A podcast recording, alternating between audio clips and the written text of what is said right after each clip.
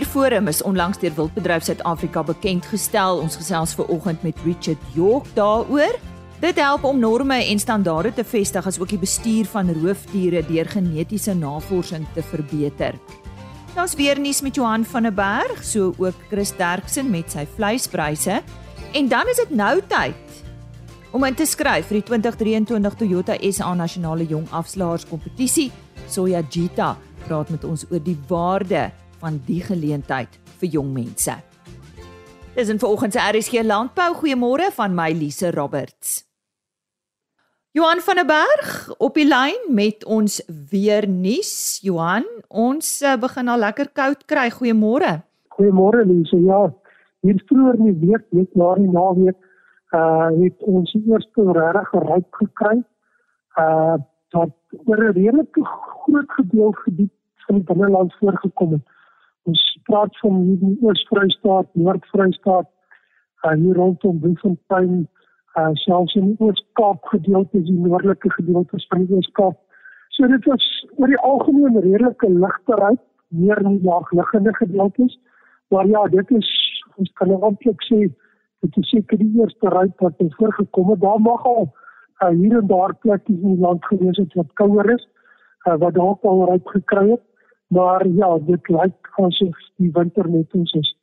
Kyk ons 'n bietjie verder, dan lyk dit vir die volgende klompie dae dat die temperature bietjie gaan herstel, maar ons minimum temperature oor die binneland, veral die suidelike sentrale suidelike binneland, gaan maar onder 10 grade Celsius wees wat redelik beperkend op groei van die somergewasse en weiding gaan wees. Dit lyk of die volgende frontale stelsel hier uh so rondom die 20 22ste April gaan voorkom. En op hierdie vroeë stadium lyk dit asof dit ook redelik koud gaan wees en dalk kouer as wat ons tans ervaar het met minimum temperature wat dan ook weer hier rondom vriespunt uh, kan begin draai. Kyk ons na reën. Uh die afgelope week het ons plek plek redelik reën gehad, kolle wat goed reën gehad het. Uh Noord-Kaapse kant toe nie so baie nie, maar uh, dit reën baie strepe en kolle. Dit is so baie stormagtige weer daar in sal. So vir die volgende week na 10 dae nie veel reën in die land nie, maar hier van ongeveer die 20 22 staal per ons kan. Ons al weer 'n kans waar ons kan sê die die die suidoostelike helfte van die land so, kan amper in een van bo af tot in Kaapstad vat die oos van hom. Lyk dit asof daar reën gaan voorkom. En dit lyk asof die swaarste reën oor die Oos-Kaap en die Suid-Kaap gedeeltes gaan voorkom. En daar's uh op hierdie stadium voorspellings van redelik 30 40 mm in daardie periode. Ons moet kyk wat gebeur. Uh ek dink ons kan volgende week hopelik weer daaroor gesels, maar ek dink daar's 'n waarskuwing dan val oor die Oos-Kaap, Suid-Kaap, koue uh baie nat toestande. Uh iets bietjie verder Noord-Oos-Vrystaat en die gedeeltes kan ook 'n bietjie reën kry, KwaZulu-Natal maar die meeste koue en reën oor die Ooskaap gedeeltes rondom die Ooskaap. En dan maar die slegs die noordelike gedeeltes, daar is 'n kansie ons sê noord van uh, van Windhoek is daar 'n kans en nader aan Angola heelwat beter kans. Suidelike kant toe baie baie min reën wat ons uh, verwag. Uh dan oor die Noord-Kaap gedeeltes ook nie veel reën nie. Die suidelike dele van die Noord-Kaap kan ook 'n bietjie reën kry maar weer eens die reën lyk meer gekonsentreer na die oostelike gedeeltes toe. Ons skien net een ding uh, noem, uh met die reën wat ons verwag hier in die laaste 10 dae van April, is die kans vir verdere storm weer baie goed. En daar is ook nog reën wat voorspel word in Mei maand en selfs dalk tot in tot in Junie maand. So op hierdie stadium uh lyk die reën, die winter is net ons, maar die somerreën seisoen lyk ook nie verby nie. Interessante terugvoer Johan, baie dankie, maar soos jy gesê het, uh, kom ons uh, gesels weer volgende week. Johan van der Berg met ons weer nuus. Die 2023 Toyota SA Nasionale Jong Afslaers Kompetisie het reeds afgeskop op 21 April by Malou en by 'n OVK Boeredag. Op 1 Mei is daar 'n geleentheid by die Bloemskou op 29 Mei by die Royal Skou en op 12 Augustus by Kragdag. So indien jy nog nie ingeskryf het vir hierdie kompetisie nie, bly ingeskakel. Ek sal aan die einde van hierdie onderhoud met Toyota SA al die besonderhede verskaf. Ek het vroeër met Soya Gita van Toyota SA oor die kompetisie gesels. How many years has Toyota been the main sponsor of this competition? Um, yeah, no, first of all, uh, morning, morning, uh, and also to the listeners. Yeah, so so Toyota has been involved with this competition, I think, uh, nine years running. Why are you involved in this competition? Um, there's obviously a few factors on our side. Uh, as Toyota South Africa, we, we obviously on our side always try to be involved in the community and of course our customers. And we know obviously the agricultural community is, is a very big part of Toyota. Uh, and just generally the community. I mean, these days uh, with the unemployment rate and like you know with the youth struggling to get uh, jobs and uh, struggling to get motivation, uh, we always want to obviously be involved in uh, making sure that there's other options for them uh, and obviously expanding the horizon on their side to not just think uh, one dimensionally. There's there's many ways uh, that you can make a name for yourself. Um, so we're very happy to be involved in a competition that does that, especially for the youth. Are you happy with the participation annually? Yeah, no, definitely. I think uh, I think even just one person actually at this point in time, just how impressive these kids are. Any number of people for me is very impressive. Uh, uh, I'm always just amazed at how these kids have such focus at their age. I'm just always thinking about what I was doing at that age, and it's nothing compared to what these kids have to do. So I think we have a very good number of, of kids, uh, uh, yeah, youth actually, kids and youth, of course, involved in the competition uh, across all the provinces, which I think is great. I mean, uh, to, to, to, to, to allow opportunity on all the different provinces uh, for the for, for the to be involved. So mm-hmm. I'm very, from my side, I'm extremely happy with the participation that we get uh, yearly, yeah. and hopefully we will continue then to get greater and greater numbers. Well, you have mentioned how amazed you are with the focus. Uh, what other highlights would you like to share with us? Just your experience overall. Yeah, I mean, geez, it's it's just a. I mean, it, it's something that I wasn't really aware of previous to actually, you know, being involved in it and it just impresses me just the confidence that these these these young young people have and um, just the knowledge that they have. And uh, I always go into these auctions and I'm just like, wow, this is impressive uh, for, for, for such young people. And also just uh, the talent that we have. I mean, you know, you see auctioneering mostly with all these arts. So, I mean, from my experience, I've seen it with art and all these international big uh, auction houses. But the talent that we have on our side is actually extremely impressive. I, I, like the diversity also. Uh, I think um, I, have seen quite a, a, diverse group, whether it's male, female, uh, well, it's different cultures. Uh, I think that's that's for me is extremely impressive. And uh, yeah, I mean, just overall, the, the, participants for me are very, very impressive. Um, mm-hmm. I don't think there's any participant that I don't go out uh, after viewing them and say, wow, uh, you're an impressive human being. So um, for me, the participants are actually what make give me the highlights mm-hmm. and just the diverse diversity of the participants that we get. So yeah, the big prize is a trip to the Calgary Stampede in the USA. Have you had the opportunity to speak to a winner that's been there? I know we've been through COVID and it's they haven't been able to go, but have you had the opportunity to speak to someone that's been? Um, not, uh, not, not. I don't think yet. Uh, I've obviously uh, been experienced with the with the with the winners of the competition, mm. and I have had chats with them. Um, but I haven't really spoken to them after coming back from Calgary Stampede. Yeah. Uh, so I mean, that's my hope uh, that I can at least speak to the winners, mm. and hopefully, maybe one of these years, I can also just uh, maybe go to the Calvary to to check out them uh, compete with the with the rest of the world. Mm-hmm. Uh, and also, obviously, I think it's always good to to, to try and travel out. Um, so hopefully, I can I can uh, get that experience uh, at some point in my life. Um, yeah. So, but I haven't really, I haven't talked to the guys um, after coming back. Yeah. But I'll, I'll, make sure I'll pencil that in definitely. Good. Then we'll chat to you again. In closing, perhaps a word of encouragement to those youngsters that are doubting if they should enter this year. There is still opportunities for them to enter. Okay, no, no, um, no, no, that's great. Um, look, I think I think this competition is will really, really teach you a lot about life uh, as as a young person. I really do believe that the, the, the youth that do enter this competition will get valuable life skills to help them be successful. Um, so, I mean, I've just noted down some of the things that I've seen from from the competitors that I think any youth right now who has the opportunity uh, who even has a thought about entering this competition should really look at. I think, uh, firstly, for me, is uh, bravery. For me, I mean, what I, I define bravery bravery as is having the fear, feeling the fear, but going ahead and doing it anyway. So I think I think a lot of these competition does uh, teach uh, the youth to push on despite fear mm. not in the absence of fear. So uh, if, if you're sitting there and you just you're scared, you think that you, you you're not going to be able to do it.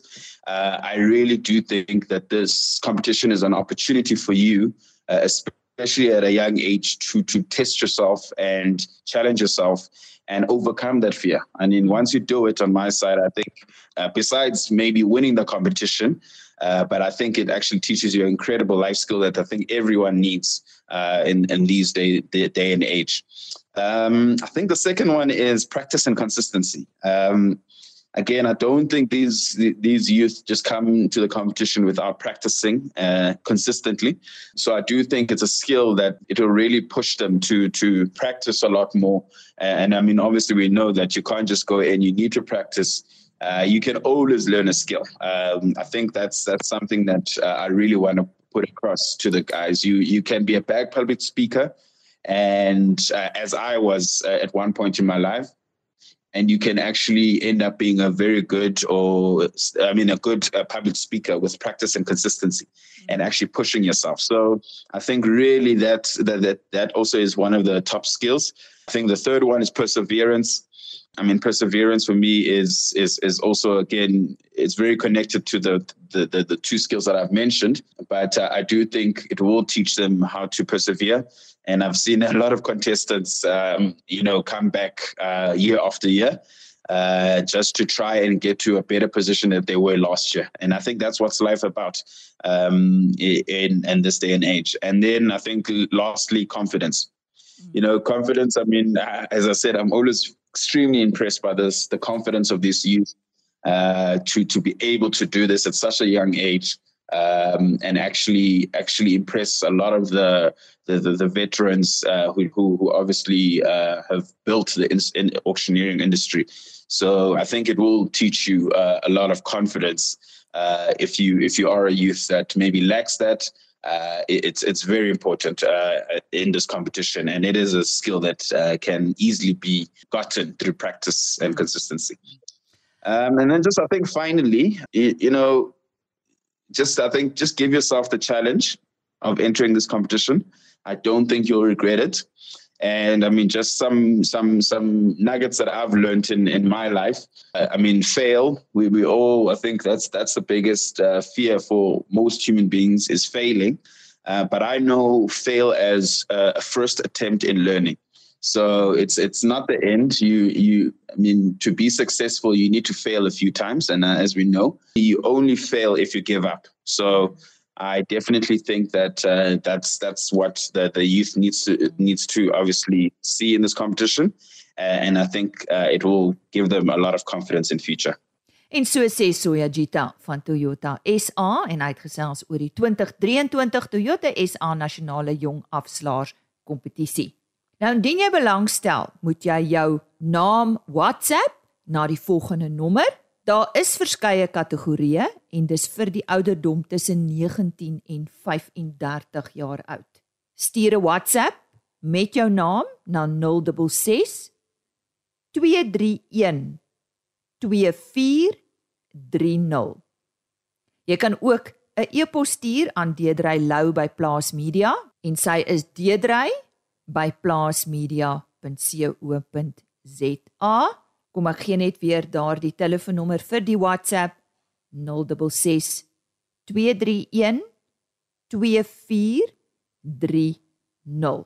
En dit is dan om jou plek te bespreek by een van die landbou skoue reg oor Suid-Afrika waar tydens jy jou vaardighede kan afwys.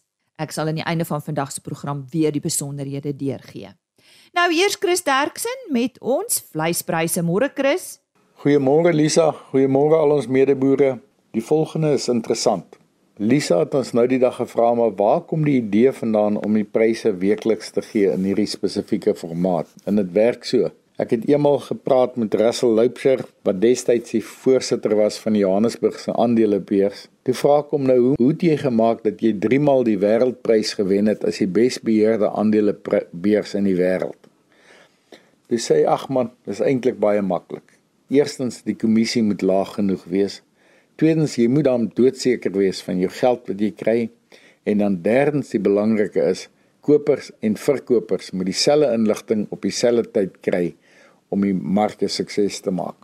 En daarom het ons begin om die vleispryse in hierdie spesifieke formaat aan te dui sodat as 'n boer in sy kraal inloop kan hy min of meer sien wat sy diere behoort werd te wees. Dit help nie ons gee jou slagpryse nie want dan die bees eers dood wees voor jy die waarde kan kry. Ek gee vir julle dan die presiese pryse vir die week. Speenkalvers onder 200 kg het gegaan vir R35.65 per kilogram lewende gewig. Van 200 tot 250 kg R35.71 en oor 250 kg R33.12. A-klasse was R30.07, B-klasse was daar nie. Vetkoeie was R24.70 effens op, maarkoeie R20.20, slagbulle R26.21 en van die skaapmark stoorlammetjies weer eens 'n bietjie gestyg as gevolg van die beskikbaarheid van sojaboonlande R43.48, slaglammers R39.10 Stoorskape was R31.75 en vetskape R33.10. Daar was te min bokke om vir u regtig 'n aanduiding te gee op die pryse. Indien ons van enige verdere hulp kan wees, skakel maar enige tyd na 0828075961. Baie dankie. So sê Chris Derksen en dit is dan vleispryse wat behaal is by veilinge in die Noord-Vrystaat. Kom ons herhaal net hulle webtuiste www www.vleisprys.co.za.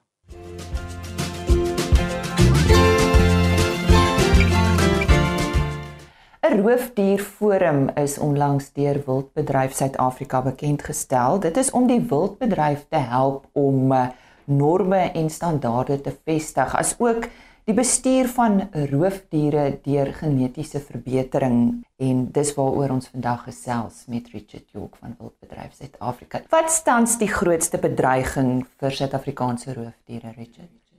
Die grootste bedreiging wat die wat roofdiere tans ehm um, sig staan is die feit dat hulle waardeloos is. As iets nie 'n waarde het nie, wil niemand hulle hê nie.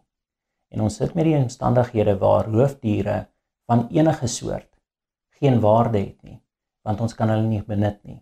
En min mense verstaan, hulle dink altyd dat bans of trade preventions goed is vir diere. Dis eintlik die teenoorgestelde. Ons sit nou met 'n geval waar ek um, een van die um, groot wetenskaplikes gebel van Panthera en gesê julle is eintlik besig om meer skade te doen aan die luiperdsbevolking as wat julle goed doen. En die rede daarvoor is dat my rooibok wat dalk R1500 werd is, is R1500 werd vir my. En daai predator wat hom eet, niks waarde vir my het nie. So as ons nie daai waarde gaan omswaai nie, gaan ons nie die die waarde vir die boere op die grond skep nie. En geen boer gaan dit ooit um, beskerm nie. En daarmee op dieselfde tyd waar daar nie waarde is nie, het jy ook habitat ehm um, probleme wat hulle sit met habitat ehm um, wat nie beskikbaar is vir die roofdiere nie. Wat die tweede bedreiging dan is omdat daar nie 'n waarde is vir hulle op die grond nie. Waarom is ons roofdierbevolking so kwesbaar? Die grootste rede is is omdat Suid-Afrika as ons kyk na die land is baie gefragmenteer. Ons het baie, ons het skole, ons het geboue, ons het dorpe, ons het kragdrade, ons het boer uh, boerderye. Ons vra altyd vir almal, waar is die wild in Suid-Afrika? En wanneer ons praat van wild, vir my is die beste definisie van wild without the hand of man. Waar is enige plek wat so is in Suid-Afrika? Wat bestaan dit eers? So mense het hierdie idee dat wild uh, net buite die dorpe is. Maar buite die dorpe is waar ek boer. Buite die dorpe is waar ek 'n lewe vir myself moet skep met my boerdery. En ek kan nie toelaat dat 'n roofdier daai besigheid in drang stel nie. Wat hoop julle om met hierdie forum te bereik? Een van die grootste goeders wat ons wil bereik is ons wil die negatiewe beeld wat daar buite is oor wildboerdery veral met roofdiere verander. Ons sit met 'n situasie en ons het dit taamlik al klaar bietjie bespreek van wat is wild, wat is nie wild nie. Nou as ons kyk na byvoorbeeld die jagluiperdpopulasie in Suid-Afrika. Min mense weet dat daar 'n populasie saam bestuursplan saamgestel is. Van die 290 ehm um, jagluiperde wat in hierdie metapopulasie stelsel is, is 70% die nageslag van twee wyfies. Dieselfde situasie sit met die leeu's. Meeste van die leeu's is afkomstig van 11 leeu's wat in Medikwe Wildsreservaat in die 1990s ingebring is. So baie van ons diere wat in hierdie metapopulasie wat as wild beskou word, is vreeslik ingeteel. En daai inteling het 'n baie groot dreiging op terme van bottlenecks in terme van allele risks, you know, soos soos daai. Eh, Richard, waar staan sake nou met die wetgewing rondom die teel van leeu's in aanhouding? Ons sit met 'n situasie, ek weet nie of al die luisteraars al buite weet nie. In 2018 het die minister die colloquium, die parliamentary colloquium saamgeroep. Van daai colloquium is daar ontsettend baie stappe wat al plaasgevind het. Ons het die high level panel gehad, ons het toe the draft policy position on ecological sustainable use vir elephants, leopards, lions en rhino gehad wat plaasgevind het. En nou sit ons met 'n taakspan wat saamgestel is om te kyk na die voluntary exit van die leeubedryf. Ehm uh, die minister beweer dat baie boere na haar toe gekom het en gesê het ehm um, hulle wil graag die bedryf verlaat. Ehm um, en dis as gevolg van twee redes. Die eerste rede, ons het gepraat van die waarde wat geskep word Die minister erken dat van 2019 het sy geen kwota toegelaat vir die eksport van enige leeu um derivatives um in die buiteland as ook sy sê dan sy erken dat die industrie dan swaar kry omdat hulle niks van die hulle nie daai produkte kan gebruik nie. So daar's baie mense wat daar buite neem ons aan moet sukkel um as gevolg van hierdie wetgewing. So die wetgewing tans probeer hulle verander Ehm um, ons het op die 17de Maart het ons 'n vergadering gehad met hierdie taakspan en hulle sê hulle mandaat is net om te fokus op die voluntary exit en nie om te fokus om 'n bedryf toe te maak nie. Ons het in in ons agterkop het ons definitief beswaar dat dit andersom is en die rede daarvoor is volgens die MOU wat opgetrek is of hulle terms of reference moet hulle eintlik dit doen. Ehm um, so ons sal maar sien hoe die wetgewing gaan gaan toegepas word maar daar die leeubedryf is definitief onder baie druk van die departement op die oomblik. Sodra hierdie bedryf uh, by tot die bewaring van ons leeu. Absoluut. Ehm uh, maar dit is ook een van daai ja nee antwoorde. Want as jy sekere mense in die omgewing vra soos jou ehm uh, conservationists sal hulle sê nee en hoekom is daai antwoord nee? Want jou leeu's volgens wet mag nie saam met die metapopulasie gestel word nie. En baie van die luisteraars al buite sal nie weet dat Suid-Afrika se leeu's eintlik in 3 silo's val nie. Jy het jou captive bred, jy het jou wild managed en dan jy jou wild.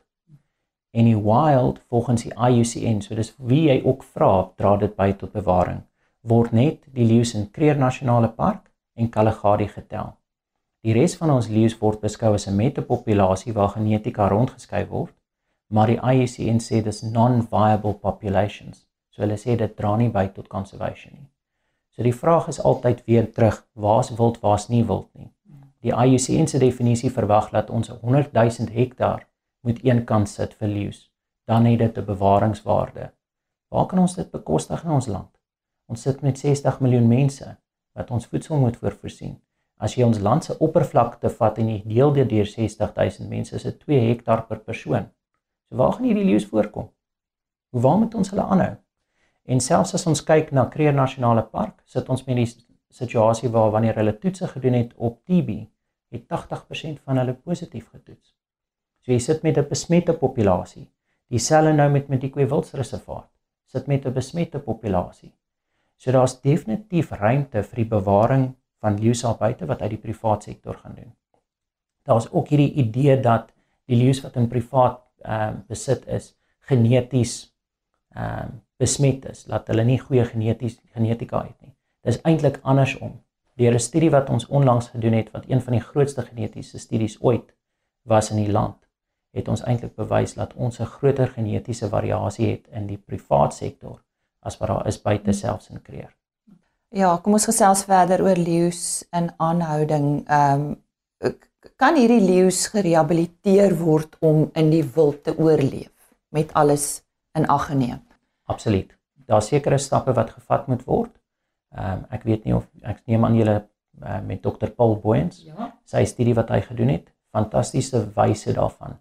Die grootste dreiging wat ons set met sit met hierdie wild of hierdie leeu's wat vrygelaat is in die wild is om seker te maak as genoeg voedsel vir hulle. En dit is deel van die rede hoekom die IUCN ook sê dat die managed metapopulation nie 'n conservation value het nie. Want selfs met die Kwiberreservaat wat 60000 hektaar is, moes elke jaar 6 miljoen rand se wild inbring om die leeu's te voer. Ek weet seker min mense daar buite weet hierdie, maar selfs in daai omstandighede is hulle besig om daai leeu's te euthanize want hulle oorpopuliseer te vinnig. Hulle het hulle getal gevat van 110 terug na 40 toe. Ehm um, so hierdie leeu's steel vreeslik vinnig aan. Leeu's doen goed daar buite veral in ons ehm um, in ons omstandighede. En 'n leeu is soos 'n kat, hy word vreeslik ferrel uh vreeslik vinnig verrol. So hulle kan definitief al ja. buite. Ja, ons sluit af op 'n positiewe noot. Baie dankie vir jou tyd vandag. Dis dan uh, ons fokus op roofdiere met Richard York van Wildbedryf Suid-Afrika.